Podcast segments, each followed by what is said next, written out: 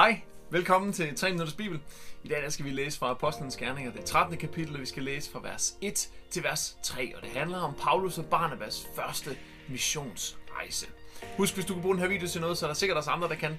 Du er meget velkommen til at dele den. Du er også meget velkommen til at give den et like, eller til at skrive en kommentar eller spørgsmål.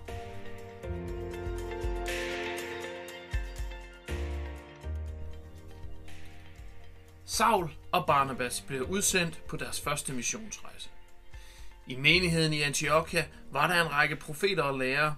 Der var Barnabas, Simeon Niger, Lucius fra Kyrene samt Manaen, der var opvokset sammen med Herodes Antipas, og endelig var der Saul.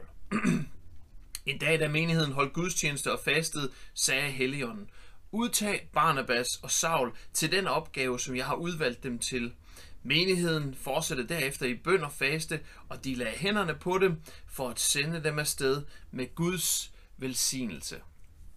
Her der hører vi altså om, øh, om hele baggrunden for, at øh, Saul og Barnabas de tager ud på øh, de, den første af flere missionsrejser.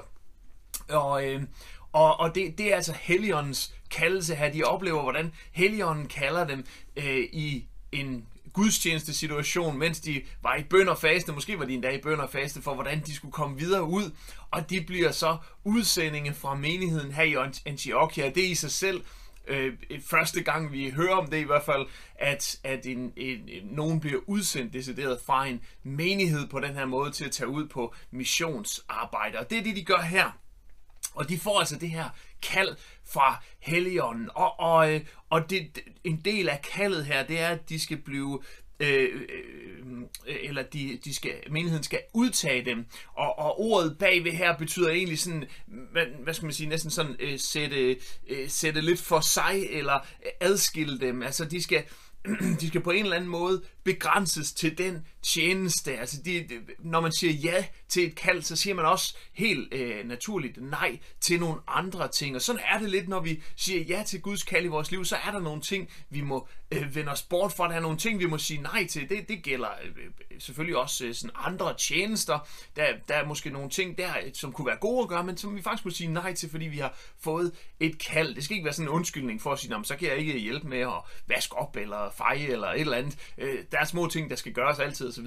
Men vi er kaldet, og det er vi hver især, ligesom Barnabas og, og, og Saul, de var her, øh, så er vi hver især kaldet til noget specifikt. Gud han har lagt et specifikt kald ned over dit liv, og det kræver faktisk nogle gange, at for at vi kan sige ja til det, så er der nogle andre ting, vi må sige nej til. Og det er sådan en svær proces det her, og, og vi, kan måske have en tendens til at tænke, jamen det, det er et svært skridt at sige ja til at gå ind i det kald, som Gud han har. Og det er det også, men, men det er ikke kun det skridt, der er svært. Det er svært resten af livet at følge det Gud, eh, kald Gud han har. Og derfor må vi også øh, blive ved med at have bøn i vores liv, have, blive ved med at have fast i vores liv, ligesom vi også hører, at, at menigheden gør her, efter de har truffet beslutningen. Øh, det er super vigtigt, fordi det bliver ved med at være svære skridt, der kommer hele vejen igennem. Det er ikke kun det første skridt, der er svært.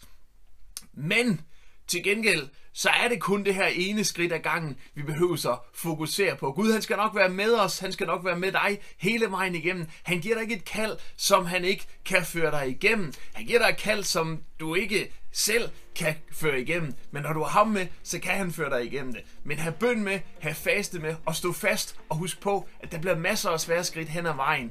Men det er det rigtige at gå ind i det kald, Gud han har til dig. Tusind tak, fordi du har set med i dag. Ha' en fantastisk, velsignet dag. Husk, du må meget gerne dele den her video, give den et like, skrive en kommentar eller skrive et spørgsmål. Vi ses igen i morgen. Hej.